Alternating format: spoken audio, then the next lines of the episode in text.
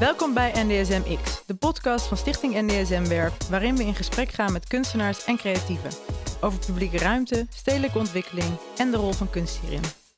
De aanleiding van deze reeks is het tienjarig bestaan van Stichting NDSM Werf, die het 10 hectare grote buitenterrein van de voormalige scheepswerf beheert en programmeert. Tijd voor reflectie. Ik ben Petra Hek. Ik ben Eva Schijvers. Deze editie verwelkomen we Reinder Bakker, samen met Hester van Dijk, oprichter van ruimtelijk ontwerpbureau Overtreders W. Een bureau dat zich beweegt tussen architectuur, kunst en ontwerp, waarbij sociale en duurzame aspecten een grote rol spelen. Zo creëerden ze voor de Dutch Design Week het veelbesproken People's Pavilion, een paviljoen van 100% geleend materiaal. Naast paviljoens ontwerpen ze ook tentoonstellingen, interieurs, decors en bijvoorbeeld ook een wolfabriek. Welkom, Reinder. Dankjewel. En uh, nou ja, even het zekere voor het onzekere. Hester was verkouden, dus die uh, is er helaas niet bij.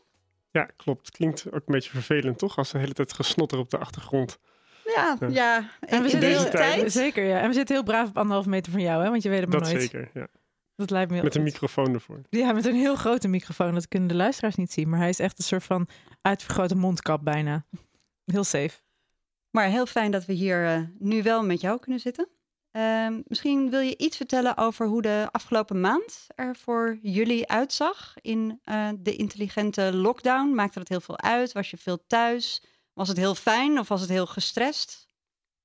Ik heb het eigenlijk best als relaxed ervaren, eerlijk gezegd. Um, ten eerste heb ik gewoon het geluk dat we qua werk eigenlijk dat het niet heel veel impact heeft gehad. Of eigenlijk geen impact tot nu toe. Uh, ik zie natuurlijk wel een soort van, denk zoals veel mensen, wel een beetje donkere wolken ergens in de toekomst. Um, dus dat, dat gaan we zien. Maar wij doen, uh, wat je eigenlijk net al zei, zeg maar, onze projecten variëren heel erg. Van architectuur tot interieur, tentoonstellingen. Uh, het is meer de manier waarop we werken. daar zit wel een constante in. En um, toevallig hadden we nu veel meer architectuurprojecten, dus dat zijn wat langlopendere projecten. Ja, ja, uh, ja. En gelukkig niet al te veel dingen voor festivals dit jaar. Kijk, dat is echt goed getimed. Maar je hebt ook een kind, toch? Ik heb ook een kind, die Ja. kon niet naar de crash, maar uh, wel stiekem naar opa en oma. Oh, echt? Oh, wauw. Smart. Dus dat, eh, dat was doable met het Ja. eh, vele werken. goed. Ja, en ik heb Ehm, gewoon wat minder hard gewerkt. Dat was eigenlijk ook best relaxed. Ja. Je ziet er ook wel echt relaxed uit. Moet wel gezegd worden. Dat is echt waar. Oké. Eh, jullie noemen jezelf een ruimtelijk ontwerpbureau. Ehm, kun je dat een beetje toelichten waarom jullie zo noemen? En waar komt de naam Overtreders W vandaan? Ehm, de naam overtreden Zweden is natuurlijk niet de vraag of die ik voor het eerst krijg.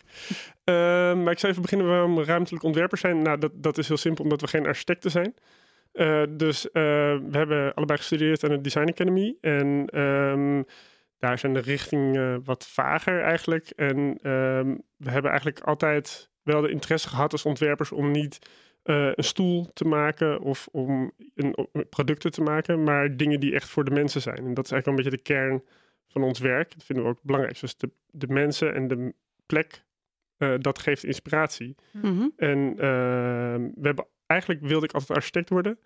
Ehm, maar ik durfde het nooit aan om architect te worden, omdat ik eh, zag om me heen. Mijn vader had een hele goede vriend was architect vroeger eh, als kind. En ik dacht altijd van, hij zei, mijn vader zei altijd van, nou, als dat is dan je voorland. En die was alleen maar aan het werk. Oh. En alleen maar hele saaie tekeningen aan het maken met lijntjes in de huiskamer. Of in de, want hij werkte vanuit huis, dat weet ik nog. En ik dacht, nee, dat is echt niet wat ik wil. Maar ik wil wel die gebouwen maken. ja, ja. En eh, nou ja, zo ben ik naar de Design Academy gegaan. En eigenlijk, die fascinatie voor architectuur is altijd gebleven. Dus daarom werken we ook een beetje op dat grensvlak van kunst, architectuur en design.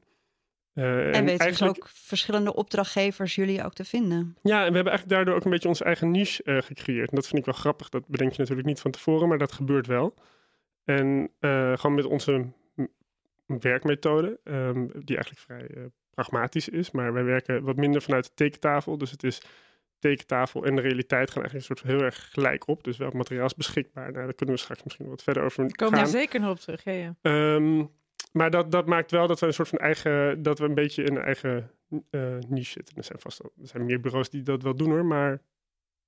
het is niet helemaal de, de meest gangbare methode. En de naam? De naam, ja. Overtreders W? Eh Overtreders W, wij zijn allebei eh, afgestudeerd eh, aan de Design Academy dus. Ik 2004, Hester in 2006. Hmm. En toen zijn we voor onszelf begonnen. Ehm, En dan heb je een naam nodig.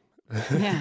en ehm, eh, wij kwamen het boekje tegen van Ed van Hinten, Trespassers, Oh, eh, ja, ja. overtreders. En daar schrijft hij in het voorwoord dat eigenlijk eh Winnie de Pooh, of Knorretje eigenlijk van het verhaal van Winnie de Pooh, heeft voor zijn huis een bord staan, overtreders W. En dat bord is duidelijk afgebroken, of Trespassers W. En ehm, Ed van Hinten schrijft eigenlijk over dat... oh nee, ik moet eerst het verhaal van Knorretje vertellen. Eh Knorretje die zegt van overtreders Willem was mijn overgrootvader. En hij verzon steeds allerlei verhalen rondom die W. En Oh. ehm, Ed van Hinten schrijft in zijn voorwoord eigenlijk dat ehm, ehm, daar ontwerpen over zou moeten gaan. Dat je naar bepaalde vraagstukken steeds weer met een frisse blik kijkt. Mm. En Oh, dat vonden we eigenlijk een mooi Ja. uitgangspunt. Ehm, wel een hele ingewikkelde naam als je de telefoon steeds opneemt. Over Traders W. Ja, Ja. mensen over traders en Over over traders. En, ja. je krijgt van alles en nog wat. En ah, jullie heten vast zo omdat, omdat, omdat jullie allemaal gekke projecten doen. Nou, dat soort dingen. Ah, Ja. ja. Ja. Nou, hij blijft En wel hangen. Ja, jullie zeggen dan niet eh, trespassers W. ja, dat zou ik nu misschien sneller doen, maar we wilden toen per se geen Engels. Nee. Ja. Ja. Nou, het is in ieder geval wel een naam volgens mij die wel is rond, rond gaan zingen. De, de laatste tijd sowieso. En je had het net al eventjes over die methode. Dus misschien mooi om daar even mee te beginnen. Want volgens mij is het super belangrijk in jullie werk ook. En ehm, volgens mij hebben heel veel mensen ook jullie paviljoen gezien bij de Dutch Design Week. Was het 2017? Ja, zo lang 2017. geleden. Ja. Ehm, de People Pavilion, nou, 100% geleend materiaal. Ehm, en ik, ik las ergens dat jullie daarover zeggen van ja, eigenlijk regisseren we een soort van materiaalstromen. Die dan uiteindelijk leiden tot iets. Eh, en ik zag dat toen ook als een soort van choreografie bijna voor me. En dat vond ik, kan je dat uitleggen ook in relatie bijvoorbeeld tot dat paviljoen? Hoe jullie dan werken met materiaal? Ja, ehm, sowieso misschien ook wel toch even belangrijk om de Mhm. credits even juist te vermelden. Dus dat paviljoen is een samenwerking geweest Ja, tussen Overtreders W en Bureau Sla. Ja. Dus eh, gewoon 50-50 als vrienden. eh, dus er zit ook geen onderscheid in rol, zeg Nee, maar. Nee, goed om te zeggen. Ehm, eh, dat, dat paviljoen, ja, dat, dat kwam dus... ehm, ja, wat de vraag was eigenlijk van... Nou, hoe jullie dan met materialen hoe bijvoorbeeld in met- zo'n ja, paviljoen werken Ja, en hoe, dus, wat ehm, de rol is van die Ja, materialen. nee, de, de vraag was eigenlijk van, kunnen jullie een paviljoen maken voor de Dutch Design Week? Eh, nou, de Dutch Design Week duurt negen dagen en kunnen daar dan 200 mensen in zitten? Ehm, Ja, super ja, ingewikkelde en dan denk je eigenlijk van, ja, wat, er staan allemaal mooie gebouwen op Strijp S, was dat, eh, in Eindhoven. En waarom zou je niet gewoon een gebouw pakken? Er staat Ja, genoeg ja, leeg daar, ja, er is genoeg ruimte. Dus wat is je motivatie om iets nieuws neer te zetten voor negen dagen? En ehm, als je iets bouwt voor negen dagen, dan eh, moet je dus na negen dagen ook weer opruimen. Eh, en wat ga je dan doen met dat materiaal? Dus als je iets Mhm. helemaal speciaal construeert voor die negen dagen, dan heb je dus daarna hou je iets over. En dat in het ergste geval is het afval of het is een gebouw wat ergens naartoe moet. En wij dachten eigenlijk van, nou ja, eh, kunnen we niet iets maken eh, wat gewoon dan na afloop er gewoon niet meer is en gewoon weer terug gaat in het schap. Dus we lenen gewoon allemaal materialen en we geven dat eigenlijk weer terug aan eh, de eigenaar. En dat is iets waar we eigenlijk al langer daarvoor mee waren begonnen. We waren ook met de, het jaar daarvoor art director van het klokgebouw tijdens de Mhm. Dutch Design Week. Dat Ja. begon in 2016. En toen hadden wij ook als thema No Waste geïntroduceerd. Dus naar alle exposanten.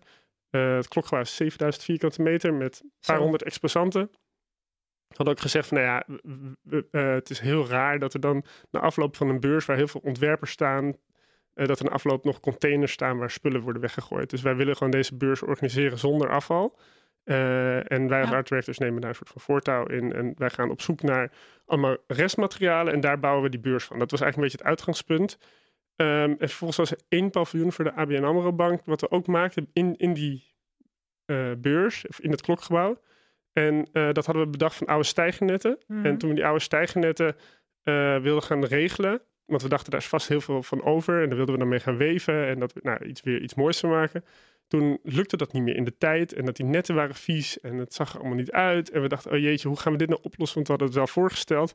En toen dachten we, weet je, dachten we, weet je wat, we, we gaan wel nieuwe netten kopen. We vragen wel of ze, we, we gaan nog heel netjes mee om en we geven het gewoon daarna weer terug. Ja, gewoon bruikleen. Ja, eh, en toen bleek eigenlijk dat na afloop van die beurs hadden we dus al die restmaterialen, die waren alsnog restmateriaal Mm. van, die andere, van de rest van de expositie. Maar dit kon gewoon weer heel netjes terug naar de leverancier. En toen dachten we, Ja. dat is eigenlijk een veel Mooier, duurzamer uitgangspunt dan materialen die eigenlijk al ehm, aan de onderkant zitten, zeg maar. En eigenlijk Ja. al, voor, al als restmateriaal bestempeld zijn. Eigenlijk al afgeschreven Ja, zijn. En eigenlijk, dat is ook een beetje hoe we nu werken, is dat we niet meer echt kijken naar is materiaal nieuw of is materiaal oud. Het gaat veel meer over materiaal is even ergens en het gaat daarna weer ergens naartoe. En of het dan nieuw materiaal is of oud materiaal, dat hoeft eigenlijk niet uit te maken. Ja, want je hebt dus eigenlijk, je hebt inderdaad, toen, toen is het dus gelukt om al die materialen te lenen. Wat me wel echt een. Voor eh, People's Pavilion. Ja, Ja, voor, ja precies. Voor Ja, dat paviljoen. klopt. Wat me echt een mega uitdaging lijkt.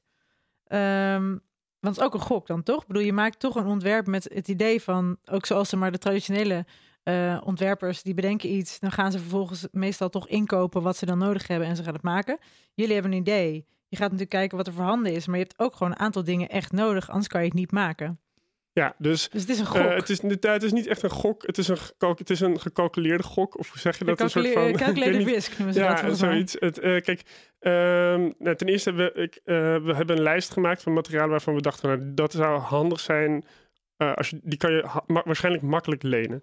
Dus eh, we hadden bedacht al vrij snel van nou, als basisconstructie nemen we 12 heipalen. Kijk, een heipaal, er zijn meerdere leveranciers in Nederland, dus dat moet vast lukken. En een heipaal, als er een schilfertje af is, dat maakt niet heel veel uit. Want een heipaal kan best wat hebben. Ja. Dus dat, en we vonden het ook leuk, een soort van Nederlandse icoon, een keer, die zit altijd in de grond. En normaal om ze een keer Ja. niet boven de grond te gebruiken. Zichtbare. Ehm, dus zo ma- ma- hebben we eigenlijk een lijst van materialen gemaakt. Waarvan we dachten, nou, die zijn naar alle waarschijnlijkheid wel te regelen. Hout, ja, ik bedoel, hout is, bedoel, is hout en dat ligt in, ergens in stapels, weet je zo. Betongaas. Nou, zo heb je een aantal van dat soort materialen.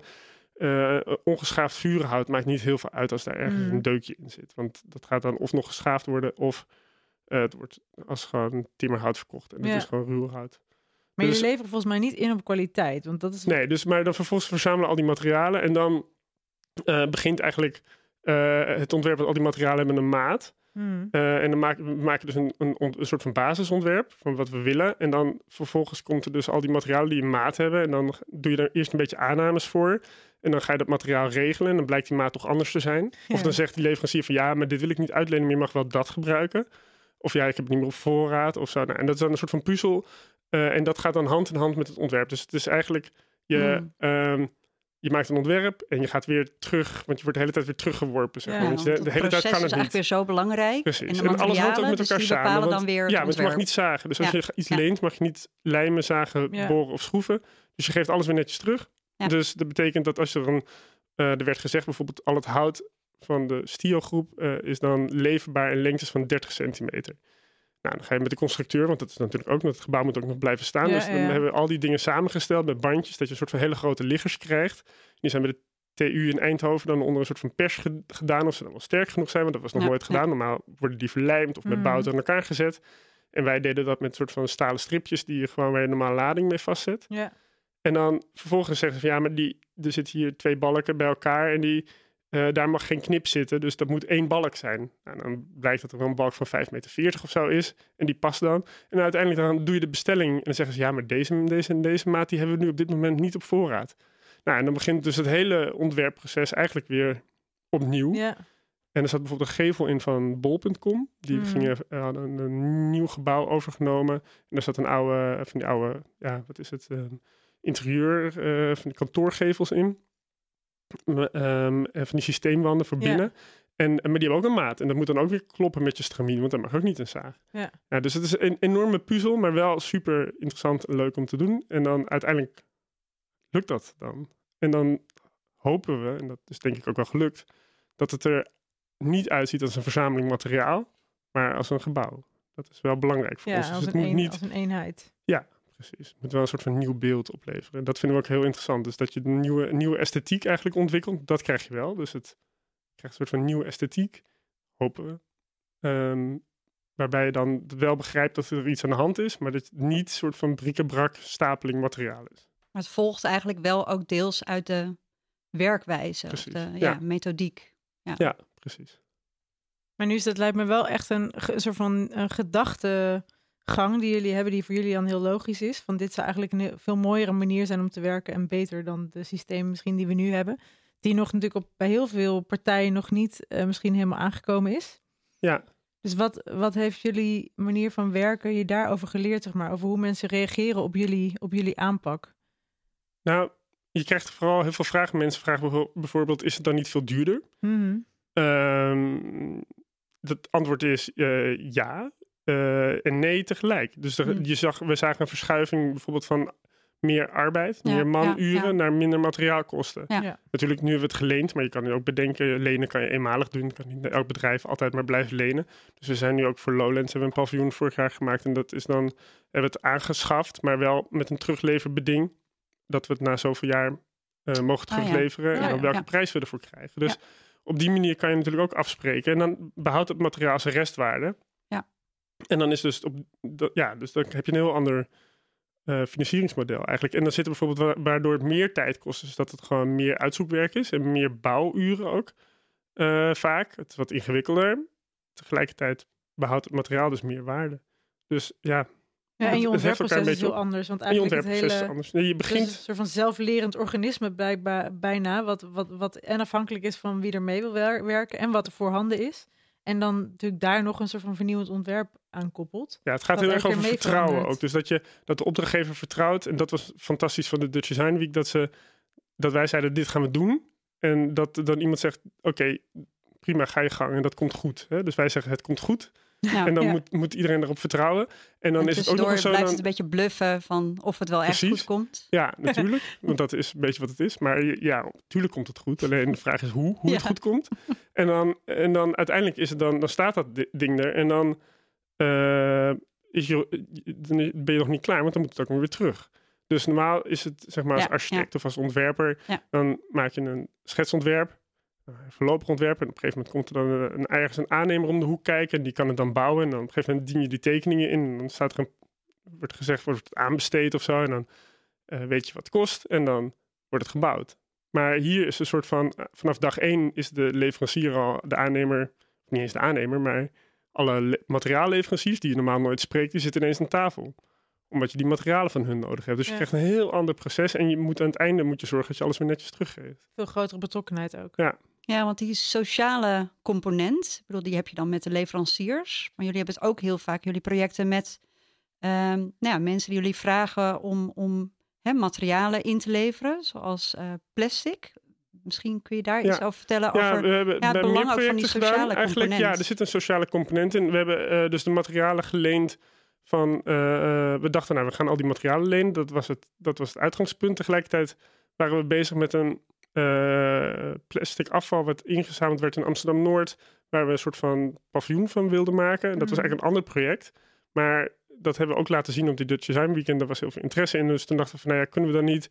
ehm, eh, dat, dat, dat dan ook gebruiken. En het leuke is dat je dan, we hebben gezegd, we lenen eigenlijk van mensen in Eindhoven je afval, maar je krijgt het mooie terug eh, Ja. in de vorm van een tegel. Dus we hebben 9.500 plastic tegels uiteindelijk geperst uit afval, wat Ja. ingezameld is in Eindhoven. En daar hebben jullie ook je eigen machines voor gemaakt, toch? Eh, we hadden eigenlijk al eigen machines, dus een soort van heel simpel, low, echt een soort van super low-tech. Maar we konden met vier man 100 tegels per dag persen. Oh wauw, echt ja, fysieke arbeid ja, zo dus we hebben er 1500 gemaakt. Nou, toen waren echt helemaal, dat, dat waren geen 15 dagen trouwens, dat was nog veel meer. Dus dat, was, dat sloeg helemaal nergens op.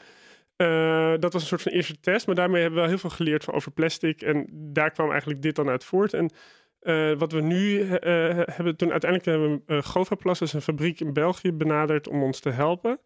En omdat we dat al hadden gedaan, dachten ze ineens, oh ja, zij weten wel echt wat van plastic af. Want ondertussen waren we toch een beetje experts geworden. Ja. En eh, toen zijn we dus met hun die, dat proces ingegaan met die tegels. En dat is voor het People's Pavilion toen gemaakt. En toen zijn we nog twee jaar bezig geweest met certificering. En vanaf afgelopen januari, februari is ehm, het eerste gebouw in Nederland af met onze plastic tegels. Wauw, dat is wel een mom- Ja. mooi moment dan. Superleuk. En eh, je kan ze dus nu gewoon bestellen. Dus eh prettyplastic.nl. Oké, Oh, jongens, wauw. prettyplastic.nl, onthoud het. En ehm, ja, dus dat is ook Maar die heel leuk. mensen Dus willen natuurlijk ook allemaal kijken naar waar hun plastic is gebleven, Ja, toch? nu, nu is het, die, die certificering is heel, erg- was heel erg lastig, zeg maar. Oh ja, voor de People's Pavilion. Ja, ja. nee, dat weet je niet. Dus je, het is gewoon allemaal kleur eh, ingezameld. Ja. En dat is het. Ja. Nee, maar je, ik bedoel, jullie, jullie hebben er wel ook een... Ja, jullie willen daar ook iets mee, toch? Dat je mensen oproept. Ja, Om dat precies. in Eh, te we wilden dus niet dat alleen, je- want we, we konden dus al die materialen lenen van grote bedrijven. Maar dat is Ja. dan heel anoniem. Ja, En eigenlijk door je afval te lenen, dat je ineens al denkt van afval lenen, hoezo? Afval is toch afval? Nee, dit is een grondstof en die gooi je elke dag weg. En ja. ehm, Jullie doen er met ja, mee. precies. We doen er iets mee en dan krijg je het weer terug. Ja, Ja, en toch ook dat jullie eigenlijk een soort van extra waarde willen geven Ja. eigenlijk aan die plek of aan dat tijdelijke paviljoen. Precies. Ja, door dat te doen. Ja, Ja. precies. Ja. We hebben dat ook vaker gedaan. We hebben ook een, een keer een entreeport voor de Albert Kuipmarkt gemaakt. Waar we ook allemaal mensen, eh, eigenlijk meer 200, ik weet niet, 250 volgens mij, marktkoopmannen eigenlijk erbij hebben betrokken. Dus eh, we hebben een keer een wolfabriek, dat noemde je net ook al gemaakt in Almere, waar dat nog steeds loopt. Echt super grappig, buiten ons om helemaal nu. Hm. Eh, maar waar wat eigenlijk ook een soort van meer, een soort van sociaal Maar kun je, kun je iets vertellen over die wolfabriek? Of hoe, hoe past dat nou in de rest van jullie aanpak of werk? Want ik weet eigenlijk niet zo goed. Het was Ja. een... Het is Opdracht? een iets ouder project, maar het, is wel, het was van een opdrachtgever, eh, Stad de Natuur Almere. En zij eh, worden eigenlijk ehm, betaald door de gemeente Almere, of ingehuurd door de gemeente Almere, om eh milieueducatie te geven. En Hester en ik, we zijn allebei eerste generatie Almere. Dus ik heb daar vroeger als kind uilenballen en zo, dat heette toen nog het extra nest, was een heel klein Oh ja, ja. ja, eh, uit, uit, eh, uit elkaar gehaald en bordjes verzameld en dat soort dingen. Ja. En, en Hester ook, dus dat is heel grappig. En ehm, de, die, die club, die Stad en Natuur, die hebben ook eh 200 schapen. En eh, van die schapen, daar beheren ze de parken in Almere mee, of een deel van de parken. Mhm. Omdat er in Almere heel veel berenklauw groeit. En Oh. dat eten die schapen. Ah ja. En eh, dus die schapen zijn eigenlijk gewoon een soort van veredelde grasmaaiers. Ja. En daar komt dus ook heel veel wol van af. Maar ze wisten eigenlijk helemaal niet wat ze ermee aan moesten. En eh, toen, we hadden een keer een interieurproject gedaan, of twee interieurprojecten en wat andere dingen voor hun. En toen vroegen ze aan ons van, goh, kunnen jullie ook een, eh, iets van een muts maken? Of een trui of een sjaal van ons wol? Oh, echt? En toen zeiden we, ja, maar we zijn helemaal geen, geen productontwerpers. Maar we vinden het eigenlijk wel een hele leuke vraag. Dus toen hebben we gezegd, van, weet je wat, we gaan gewoon aan de slag. Ehm, geef ons een heel klein opdrachtje, niet ingewikkeld, gewoon een Mhm. soort van onderzoeksopdrachtje. En dan gaan we uitzoeken wat we allemaal kunnen doen met die wol. Ja. Dus dat, dat zijn we gaan doen. En toen bleek dat er gewoon helemaal geen wolverwerkende in- industrie meer is in Nederland. En eigenlijk ligt daar dan ook weer die fascinatie voor dat materiaal. Dus dat je dan alweer ja. denkt van ja, wat, wat, wat, wat kunnen we dan eigenlijk met die wol? Er is dus heel veel wol in Nederland, maar dat is gewoon een restproduct. En Ja, dat heeft ja, gewoon helemaal geen waarde. Want de Nieuw-Zeelandse wol is van hogere kwaliteit, een ander schaap. En eh, dat is wat. Ja, dat, dus, dat, dat, dus die wol hier, dat, dus we konden het versturen naar, eh, met een vrachtwagentje van 200 schapen. Ik geloof dat er toen 1000 kilo per jaar vanaf kwam. Ehm, dat kunnen we dan versturen naar Denemarken of naar Duitsland. En dan zeiden ze al van ja, op deze hoeveelheid weten we niet zeker of je, of al het, of je exact hetzelfde wol terugkrijgt. Eh, dan moet het gewassen worden en gekaard. Dus dat moet dan een grote machine. Mm. En dan, nou ja, dan krijgen ze die wol schoon terug en wordt gekamd. En dan eh, moet je er nog een product van maken. Dan moet je nog spinnen of filten. En dan moet je er nog misschien kleuren. En dan moet je nou, het product nog in elkaar zetten, verpakking eromheen. Ja, en dan wil je eigenlijk ook nog een beetje winst maken. Maar dat echt kansloos. Dat gaat gewoon helemaal niet op die schaal. dat is gewoon... Dat wordt het of hele dure producten. Ja, ja. Eh, en het is ook heel raar dat je dan met een... Je ziet het al voor je, met een dieselbusje door heel- naar Duitsland moet gaan reizen. Precies. Of voor, voor 200 kilo wol een beetje, of de 1000 kilo wol een beetje te gaan wassen. Dus dat, we vonden dat een beetje een stom plan eigenlijk. En toen dachten we, weet je wat, we gaan het zelf doen. Dat is ook wel heel vaak een beetje ons mantra. Van nou, dan doen we het zelf wel. Ja. Dus hebben we gezegd, we doen het zelf. We gaan gewoon zelf die wolmachines maken. En toen zijn we die wolmachines gaan bouwen. Dus dan hebben we gewoon hele simpele wolmachines, eigenlijk een soort van productielijn gemaakt. Eh, voor het filten, voor het wassen, voor het kaarden en het verven. En, eh, maar zo dat ze wat groter zijn dan dat je thuis kan doen. Dus thuis heb je ook van die kleine kaartmachientjes die je op de tafel kan zetten.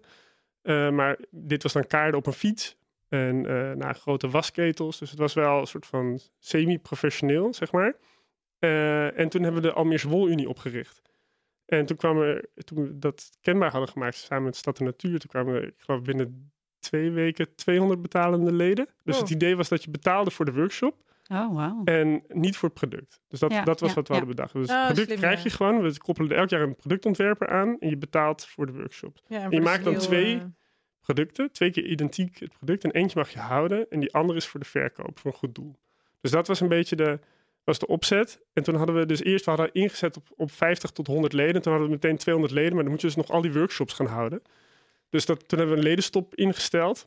En toen hebben we dat twee jaar... Sorry, was te populair. Ja, twee jaar, twee jaar lang eh, zo gedaan. Met elk jaar ontwerper van het jaar aangekoppeld. Steeds een productontwerper. En dat loopt nu nog steeds, maar wij zijn er niet meer verder bij betrokken. Ja. Maar nog steeds, ik geloof nog steeds 200 leden. Ja, Dus ook daar gaat het eigenlijk toch heel erg over het proces en de werkwijze. En een soort Ja, van het precies. opwaarderen eigenlijk van wat voor lokale materialen heb je en hoe kun je dat eigenlijk weer tot een Ja. waardevol product Ja. maken. precies. Ja, en als wij een opdracht krijgen, is het ook niet zo van eh, van tevoren, oh, het wordt een tentoonstelling, oh, het wordt een gebouw, oh, het wordt een interieur. Nee, het wordt gewoon hetgene wat je het beste antwoord op de vraag, of wat wij denken dat het beste antwoord is op de vraag. Ja. En is jullie uh, werkwijze in de loop der tijd veranderd? Of, of is het eigenlijk meer een andere vorm dat krijgt, maar eigenlijk gewoon. Ja, kijk, ja. wij, zijn, toen we, wij zijn echt toen we net afgestudeerd waren van de Design Academy voor onszelf begonnen. Dus op het begin weet je natuurlijk nog niet zo goed wat je, wat je nou eigenlijk aan het doen bent. We hebben gewoon toen met acht vrienden, dus met z'n tien in totaal, een atelier gehuurd in Zandam. Van duizend vierkante meter aan de Zaan. Gewoon een oude verfabriek, anti-kraak.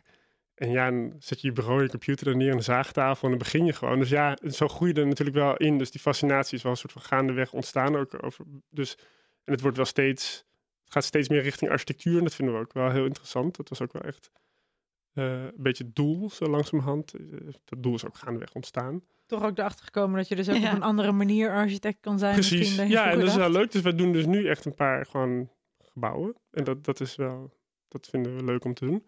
Maar dan niet alleen om van achter de tekentafel? Niet vanuit nee, nee, gewoon wel van, altijd vanuit een soort van meer vanuit welk materiaal is voorhanden. En, ja, de plek um, en de Nu denken we heel erg na over die gebouwen, over, ook over demontabelheid en over uh, we zijn ook een soort onderzoeksproject nog bezig met vrienden van onze onkruideniers. Daar zijn we aan het kijken van hoe we dan met du duurzame materialen, um, uh, met vernatting in het Nederlands landschap, komen er weer andere bouwmaterialen, zou je kunnen kweken. Denk ja. aan listdodden, isolatie, dat soort dingen. Daar wordt al heel veel mee gedaan, maar het ziet er altijd een beetje ecologisch uit. Dus we zijn ook aan het kijken van of we daar een soort van meer een eigen tijdse mm. draai aan kunnen geven. Dus nou ja, zo, zo ontstaat dat eigenlijk. Ja, dus het is niet zo van, oh, we gaan naar de, de professionele gamma, zeg maar de bouwmaat, of weet ik veel wat, en bestellen een bergmateriaal en uh, of laten een aannemer dat bouwen. Zo, ja. Nee, ja, want, want het is natuurlijk wel mooi. We hebben nu dus, uh, dat is ook een van de redenen dat je hier zit. We hebben dus ook vanuit de NDSM natuurlijk jullie gevraagd nu om eigenlijk iets voor de NDSM te creëren. Uh, dat is dus heel kort geleden dat we dat gevraagd hebben. En het is eigenlijk ontstaan vanuit de hele noodgedwongen situatie voor de, van de coronatijd, waarbij de NDSM-werf leeg staat, omdat er geen festivals plaatsvinden. En we wel heel erg graag het buitenterrein zouden willen gebruiken, juist ook voor Amsterdammers nu. Omdat je ziet dat de publieke ruimte, dat er wel veel druk op staat. Dat alle parken bijna overstromen van de mensen die heel erg graag in de zon willen zitten. En dat we hopen dat we op de een of andere manier de NDSM eigenlijk nog meer als publieke ruimte kunnen laten aanvoelen met verschillende functies. Um, dus hebben we jullie daar ook voor gevraagd van heel korte termijn, omdat natuurlijk dit allemaal echt uh, nu, nu, nu loopt. Um, hoe kunnen we nou dit buitenterrein meer functies geven en daar een soort van git ook met die anderhalve meter samenleving voor ontwerpen? Ja, veilige. Um, precies. Publieke ruimte. Ja, precies. En om, ja, dat, dat, ja, nee, maar dat, vooral dat, inderdaad dat woord veilig is daarin heel belangrijk. Hoe kan je dan het gevoel hebben dat je wel vrij rond, kon, rond kan lopen zonder dat je de hele tijd denkt, oh, ik moet uh, zorgen dat ik afstand hou, maar dat dat eigenlijk al ingebouwd zit. Um, nou ja, dat, hebben we nu aan jullie gevraagd. En volgens mij, ik hoor nu al allemaal dingen van, ik denk, oh ja, en dat is inderdaad die hele onderzoekende manier, die zit er ook heel erg in. In hoe jullie nu hier zijn begonnen. Zou je iets uh, kunnen vertellen over hoe jullie begonnen zijn toen wij met een super last minute vraag, zonder echt heel uh, scherpe briefing, aan jullie gevraagd hebben om uh, mee te denken over die buitenruimte? Waar beginnen jullie dan? ja, jullie kwamen inderdaad met die vraag. De, wat is het? Twee, drie weken geleden? Ja, tweeënhalf, drie weken geleden, denk ik. Tweeënhalf weken geleden of zo, hè? Dus um, uh, en uh, nou ja, natuurlijk een fantastische plek en een leuke vraag. Dus toen, toen zijn we hier rondje gaan lopen. En toen dachten we, oh help, maar we hebben het hartstikke druk. En hoe gaan we dit nou? Zo, hè? Een beetje, nog even erbij, heel uh, groot. Ja, en wij, dat is nog misschien wel goed om heel even, nog even te melden. Wij zijn maar gewoon met z'n tweeën. En we ja. hebben wel, wij doen heel veel samenwerkingen. En samenwerkingsverbanden vinden we ook heel erg leuk. Dus eigenlijk dat is ook een beetje waarom we... Uh, dus ook zo'n People's Affiliate met Bureau Sla. En daar zoeken we mensen bij. Dus we zoeken eigenlijk per project altijd wie er goed is om ja. ja om zo'n project mee te helpen. Want helemaal met z'n tweeën lukt het anders niet allemaal. Nee. Um, dus we hebben wel een heel goed netwerk. Mensen die ons daarbij kunnen helpen. En, um, maar in ieder geval, ik kreeg dus, we kregen jullie vragen en toen zijn we een rondje gaan lopen. En toen dachten we, ja, dus er moet echt super snel gereageerd worden. En we kunnen wel helemaal mooie plaatjes gaan maken. Maar voordat we, als we een soort van traditioneel ontwerpproces door, doormaken, dan is de zomer voorbij, bij wijze van spreken. Dus dat, dat is niet handig. En het project heet NDSM Zomerwerf. En de NDSM-project, of dus NDSM Zomerwerf, inderdaad. Dus dat ja, moest gewoon snel gereageerd worden. Dus toen dachten we, nee, dan is het de vraag, wat is er voorhanden en wat kunnen we makkelijk regelen? En ik denk ook niet dat het hem dan zozeer in de vernieuwendheid meteen zit, zeg maar. Dus we hebben nu gewoon, we beginnen gewoon met standaard bakken van die fruitkisten met... Uh, tuintjes. Ehm, maar gaandeweg kan het natuurlijk dat wel daarvan alles aanhaken. Dus zo zie ik het ook een beetje. En ik zie het ook een beetje als een proces waar we langzamerhand... ehm, ja, ik hoop wel dat er nog wat gekkigheid gaat ontstaan. eh, dat we dat eraan koppelen, zeg maar. Dat het een soort van ehm, eigen plek wordt. Maar we hebben eigenlijk nu een soort van basisstructuur ontworpen... waarin we denken dat er van alles kan gebeuren. Ja. En eh, nu zijn we, ehm, nou ja, eh, zo- zoals eh, bijvoorbeeld sport en spel deel en uh, tuinendeel. ehm, wat heb ik nog meer? Een, een BMX skate deel. ehm Een hula hoop hula hoop plek. corner. Ja, precies. Nou ja, we hadden natuurlijk, dat is, ja, dus we hadden dan, ja, inderdaad, dat is, dan valt dan volgens mij onder de sport en spel, toch? Niet? Ja, weet ik eigenlijk niet of zo, niet precies. Hoop maar- is best wel intensief, Ja. weet ik uit ervaring. ja, dat is, Ja, ja. Ja, dus maar in ieder geval, we, ja, dus de, het is eigenlijk meer een soort van een, een structuur waarbinnen nog van alles kan ontstaan op het bestaande stelcongrid, wat hier ligt. En dus met de materialen die ook verradigd zijn. We hebben heel even een soort van rondje gedaan. Er was ook geen tijd om in de auto te stappen en allemaal bedrijven af te gaan rijden. En met corona werken ook heel veel mensen thuis. Dus we hebben een soort van Google Maps rondje gedaan. Van wat Street View, wat is het? Wat ligt er allemaal hier in de buurt? En dan vind je nou, bij een buurman van alles. En nou ja, dan kom je wel op dingen dat je denkt, ja, dat zijn wel materialen die er gewoon zijn. ja. Dus het lijkt ons heel mooi als er een soort van materiaalchoreografie ontstaat hier eh, op de NSM-werf. Ehm, en ik zie het eigenlijk zo voor me dat je, dat je dan een soort van ehm, eh, vanuit, de, vanuit de kraan, dat we een camera erop zetten en dat je dan langzamerhand zo ziet wat er allemaal gaat groeien deze zomer. Mhm. Dus we gaan ook, eh. ik heb ook met de li- lijnenmarkeerder, die normaal van die tijdelijke beleiding maakt, gesproken. Voor wegen. Ehm, voor wegen, ja. Dus eh, die komt dan ook eh, ja. beleiding uitzetten. En ja, dan dus eh, het gaat gaan we gewoon beginnen. groeiend Ja, het is een beetje een eh, meer een groeiproces in plaats van helemaal een gefixeerd ontwerp. Ja. Eh, zo wordt het. Dat Ja, gaat in dit precies. geval ook niet. Dus. En nu is het natuurlijk echt een mega grote publieke ruimte. Als je gewoon de hele werf, eh, als je kijkt naar de hele werf en alle oppervlakte en alle functies die je daaraan zou toe kunnen voegen.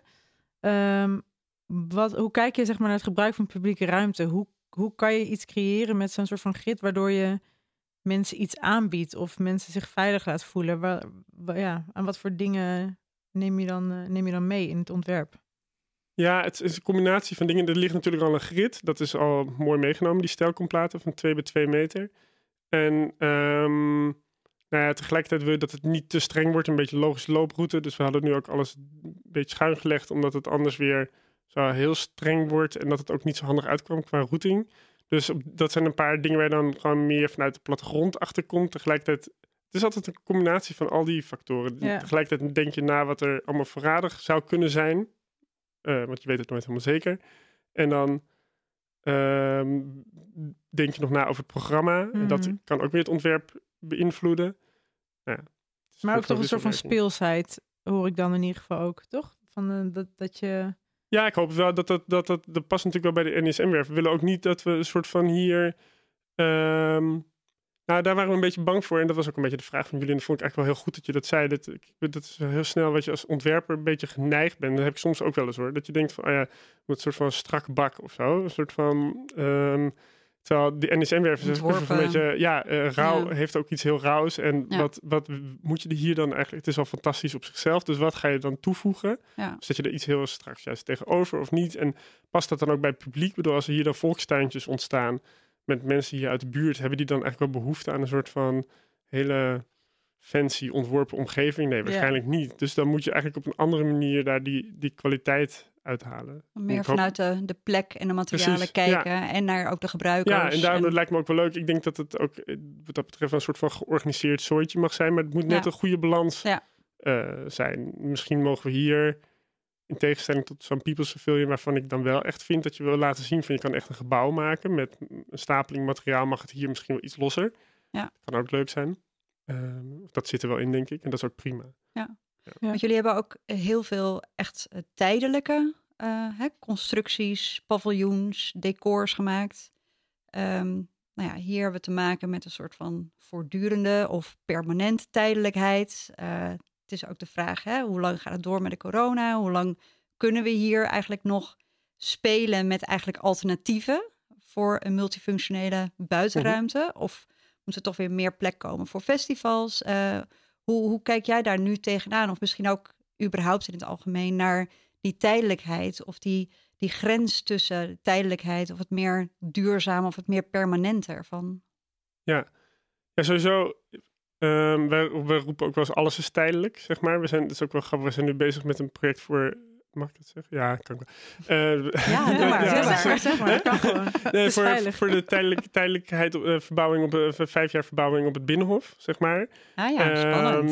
Um, en daar, ja, wat gaat er in die vijf jaar verbouwing op het Binnenhof gebeuren? Ja. En um, wat je nou ja, dan is het Binnenhof staat al 800 jaar, zeg maar. Maar ook daar zit een vorm van tijdelijkheid in. Dus die kozijnen die zijn natuurlijk geen 800 jaar oud. En dus al het glas van het, van het Tweede Kamergebouw gaat er nu ook gewoon... Dat is uit de jaren uh, 80, 90. Dat gaat er nu allemaal uit, zeg maar. Dus er zijn heel veel...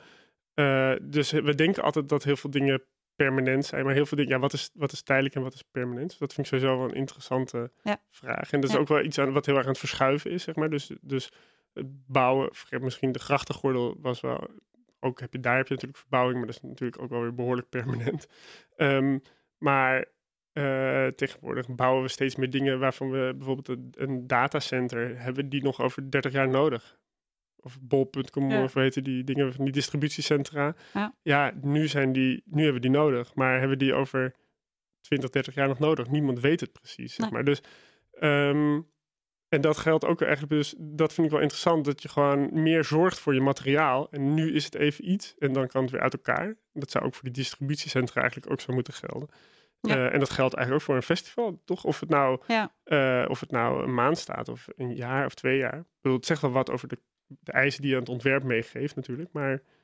Maar dat is eigenlijk ook wel weer grappig dat inderdaad de meeste architecten, denk ik, het liefste ontwerpen voor de eeuwigheid of zo. Klopt. ja, dat heb ik helemaal niet. Nee, dat vind ik ook helemaal niet zo, niet zo interessant. Ja. Nee, ik vind het eigenlijk veel interessanter als het gewoon weer goed weggaat. Ja. Dus ik heb nu, het best leuk om te vertellen, denk ik. Um, de, ik werd vandaag opgebeld dus over dat Lowlands paviljoen wat we uh, hebben gemaakt. Ja. Um, maar misschien kan je even in één zin, ik weet wel wat het is, maar even in één zin uitleggen oh, ja. wat jullie hebben gedaan. Ja, we hebben daar, ja, sorry, ja uh, dat is handig. Ik vergeet even dat het dan een podcast is, dat niemand plaatjes ziet en zo. Kunnen ze, um, als je het nu heel goed uitlegt, kunnen ze het voor zich precies. zien. Ja. Uh, we hebben, even kijken, uh, twee jaar geleden alweer, ja, bijna deze zomer, drie jaar geleden, um, voor Lowlands um, en de Rabobank samen met de Foodline Up een brasserie 2050 gemaakt. Ging eigenlijk over eten in de, hoe we gaan eten, hoe ons voedsel is in 2050. Um, en um, toen wij, het was eigenlijk een restaurant op Lowlands. En toen wij gevraagd werden om dat te ontwerpen, toen werd eigenlijk gevraagd van ja, hoe, uh, hoe zien jullie dat dan voor je, een restaurant in 2050? Dus dan hebben we, hebben we gezegd, nou ja, wij hopen dat de, de toekomst ook heel duurzaam is. Nou, alles moet weer terug ja. naar de leveranciers. Dat is eigenlijk ook een beetje, nou, heb ik net helemaal uitgelegd waar, hoe, hoe we werken. Mm -hmm. uh, dus we hebben toen een aantal materialen, heel veel uit standaard materialen, uh, dat ding opgebouwd. Mm -hmm. Dus dat zijn allemaal dingen die gewoon waardevast zijn. Uh, standaard Deense karren, gitterboxen, stellen, stellingkasten. Um, het was een beetje een open structuur, Ja, open structuur, een soort van grote schuur erop gemaakt, van gemaakt. Um, en die was dus voor drie edities uh, Lowlands. En ook daar hoopten we weer dat het dus niet een stapeling van materiaal was, maar dat al die standaard materialen samen een nieuw beeld hebben opgeleverd. Of zouden leveren. En um, ja, de, de, drie keer Lowlands. Helaas de derde keer Lowlands, geen Lowlands dit jaar. Dus ik werd vandaag opgebeld van... Uh, ja, we stoppen er eigenlijk mee. um, wat doen we met het paviljoen? Het is toch best een flink ding, 300 vierkante meter. Wow. Um, niet, hoogste, hoogste, punt, hoogste punt is 10 meter. Um, kon er best wel wat mensen in kwijt, volgens mij. Ja, toch? er konden behoorlijk wat mensen in kwijt. En um, dus de vraag was inderdaad van, goh, uh, ja, jullie zeiden toch dat het uh, helemaal alles weer terug kan. Dus, dus ja, dus ik heb meteen alle leveranciers benaderd vandaag. Oh ja. Van, uh, nou ja, wat, we hebben een contractje met jullie. Het gaat weer terug. maar gewoon, hij mag ook hier komen te staan. Dus dat kunnen we het nog over hebben. Maar dat Ja. is weer een andere, Kijk, interessant. eh, een andere, een andere wending. Ja. Daar had ik nog niet zo over nagedacht. dat komt nu Ja. ineens naar boven, ja. Oké, dus Maar meer zegt- over waarom, waarom zei ik dit? Omdat dus dat het dan weer dus na, na twee of drie jaar, dus dan krijg je dus die vraag en dan moet het dus weer terug. Ja. En dan is het dus eigenlijk, ik vind dus die vraag heel mooi. Ja. Dat je dan weer die vraag, dan komen ze dus bij je terug en dan de vraag van goh, ehm, ja. Wat- doen, wat doen wat, we wat, ermee, Wat doen we ermee? Ja, en wat, hoe, hadden we het ook alweer geregeld? Ja, zo, nou, ja, dat, en ja. dan weet ik dus hoe we het hebben geregeld. En, Want Ja. er ligt een contract ja, onder. precies. Ja. Ja. En wanneer, eh, we hebben het natuurlijk net ook even over het NDSM gehad en ook bijvoorbeeld over Lowlands. Wanneer werkt een ontwerp nou voor jullie? Of wanneer heb je, eh, Heb je het gevoel dat er, dat er dingen samenkomen, zoals die sociale component ook? Waar zoek je naar als, het, als je er rondloopt uiteindelijk? Of het nou, wa- wat, voor constructie het nou is, maakt niet zoveel uit. Maar Nou, ten eerste, ik vind sowieso. ehm, ehm, het, dus het, het eindresultaat is heel belangrijk, maar het proces is eigenlijk net zo belangrijk. ja, Dus. ehm, ehm, En ook het natraject en ook eigenlijk het van wat er natraject. Precies. Ja, precies. Maar het, eh, het, het natraject is natuurlijk meestal wel wat korter. Dus het is vergt wel organisatie. Maar als het goed is, heb je dat van tevoren al Ja. Eh, goed geregeld. Hmm. Ehm, maar eh, ja, maar dat, dat traject, zeg maar, om iets te maken, dat moet natuurlijk ook gewoon heel erg leuk zijn. Ik bedoel, en dus het belangrijkste is gewoon met leuke mensen samen te werken. Dat is, dat is voorwaarde nummer één. Eh, met leuke gebruikers, leuke opdrachtgevers. Zo. Dat is eigenlijk een beetje de succes van een, van een project, zeg maar. ja. Ja. En Maar, maar dat zit heel erg aan de, aan de aan de voorkant. voorkant, ja, nee, en als het er Ehm, dan eenmaal is. eh, Wanneer wa- werkt het dan wanneer voor is je? Het, wanneer, ja, wanneer, nou, ten eerste toch als, als ik het gevoel heb dat we goed antwoord op de, eh, de vraag, dat klinkt zo stom, maar ja, misschien Ja, toch is dat het wel. Of zo, dat, dat we, dat we, nou ja, ik hoop dan altijd dat we een soort van eh, nieuw beeld hebben neergezet, maar dat het toch logisch is, eigenlijk. Dat is een beetje wat ik. ja, een soort van zelfsprekendheid. Van zelfsprekendheid, maar zonder, ehm, eh, zonder dat het heel erg gezocht is. Ja, dus nee, dus ja, dus vanzelfsprekend. Dus, maar wel net anders. Ja. Dat, ja. Ook Meer een soort van eigen gemaakte logica, misschien zoiets. ja. Ja. Eigen gemaakte logica, dat vind Ja. ik wel mooi verwoord. Ja. En dan misschien de, de laatste vraag. Ehm, nou ja, deze tijd, eh, wat, wat, wat kun je meegeven nog aan de luisteraar? Waar heb je zelf iets aan gehad? Of een, eh, hè, een, een tip, een leestip of een, of een soort van ritueel of een mantra? Of eh, hè, waar hou je jezelf nu aan vast? Of is het gewoon doorgaan, Geef ons van de dag?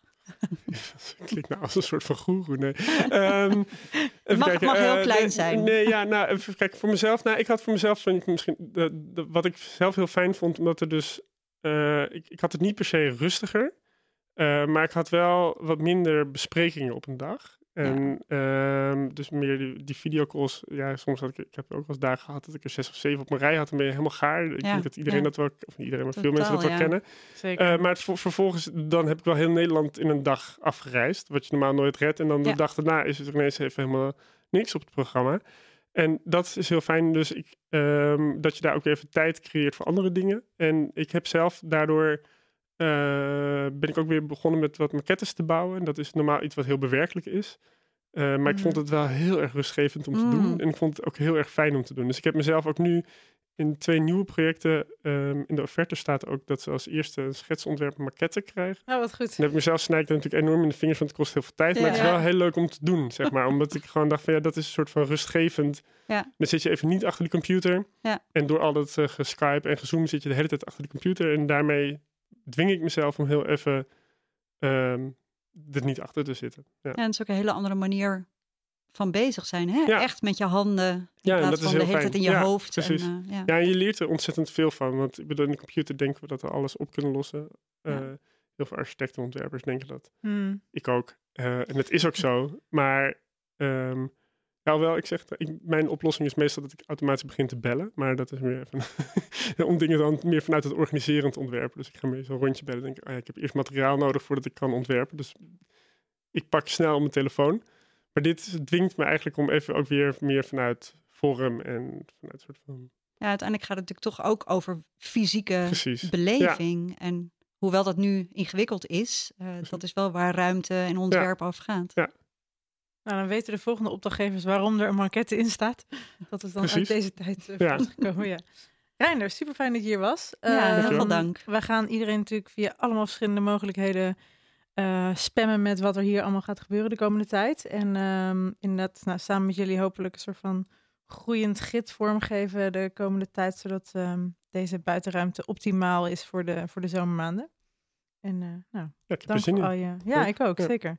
Ehm, vond je dit nou leuk? Heb je hier graag naar geluisterd? Dan eh, abonneer je vooral op deze podcast via Spotify, Soundcloud of Apple Podcast. En als je nou suggesties hebt of ideeën, dan kan je ons altijd even mailen via redactie.ndsm.nl. Graag tot de volgende keer.